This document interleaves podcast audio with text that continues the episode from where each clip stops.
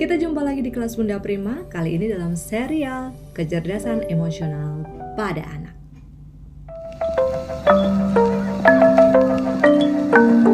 Hai, ini adalah kelas Bunda Prima.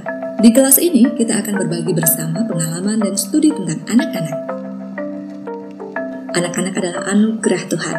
Merawat mereka adalah sebuah panggilan hidup. Saya ingin mengajak semua belajar dan bertumbuh dalam kasih untuk mereka.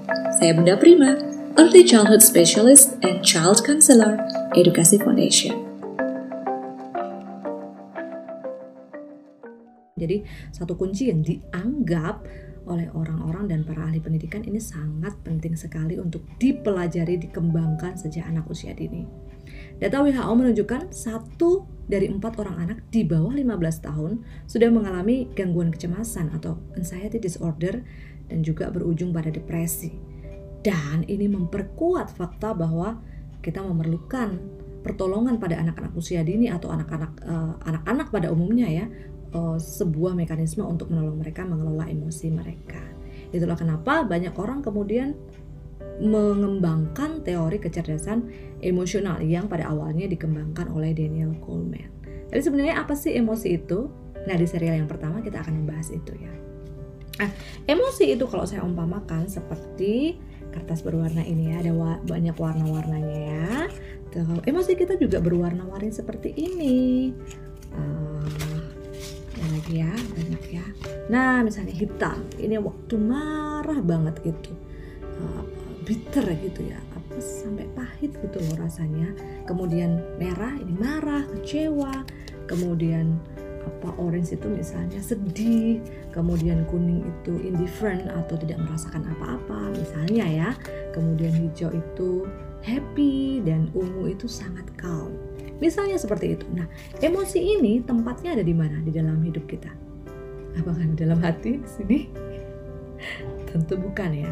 Emosi ini letaknya pada hati memang, gitu. Tapi bukan di hati, bukan di liver kita, bukan. Tetapi di dalam hati kita yang adalah terletak pada pikiran atau otak kita.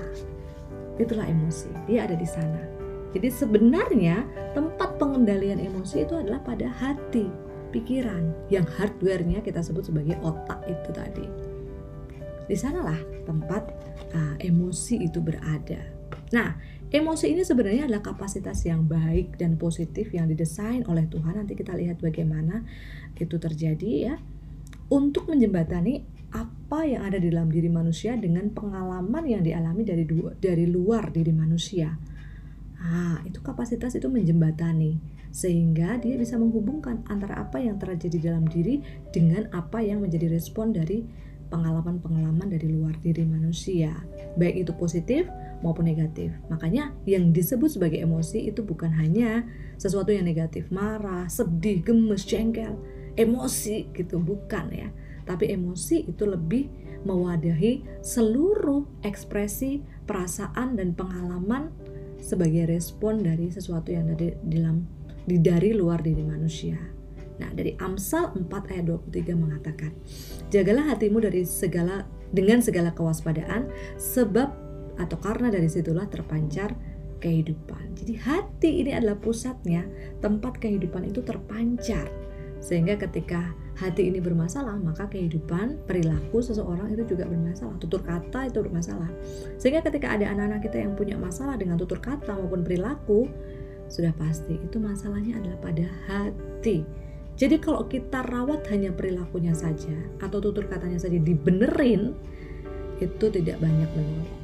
Karena masalah pusatnya adalah pada hati. Seperti yang disampaikan oleh satu quotes berikut ini ya saya ambil dari ACBC The heart of a problem is the problem of the heart. Atau hati dari setiap masalah adalah masalah hati. Hati atau pusat dari semua masalah itu adalah masalah hati. Sehingga ketika kita melihat anak-anak kita punya masalah, masalah mereka sebenarnya ada pada hati. Maka kita akan mengarahkan pandangan dan perhatian kita ke sana, kepada hati anak-anak kita. Nah, di dalam perspektif biblika ada dua pandangan mengenai emosi ini. satu pandangan mengatakan bahwa emosi ini adalah akibat dari kejatuhan. Dia harus dihilangkan, direpresi. Kalau ada Tuhan, kenapa kita harus takut gitu ya? Kalau ada Tuhan, kenapa kita harus menangis? Gak usah menangis. Ada banyak yang seperti itu.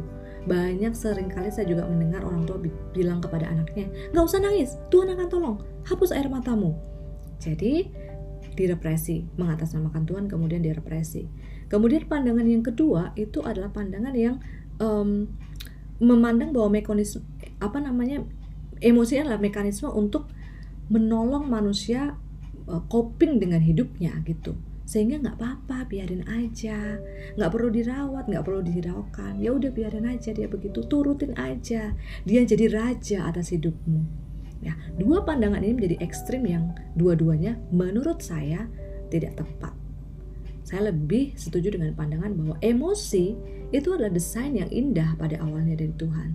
Tetapi karena kejatuhan manusia, emosi ini menjadi kemudian dipakai untuk memperdaya manusia.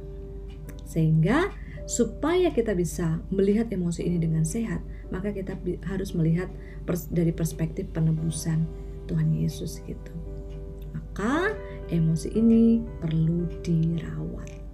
Emosi yang ada dalam diri anak-anak kita yang keluar dari dalam diri mereka itu perlu dirawat.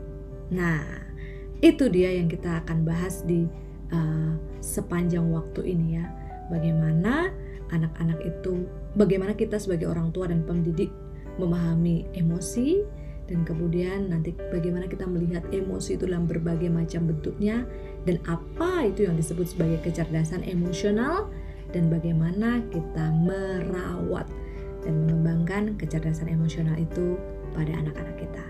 Jadi tetap ikutin ya. God bless you.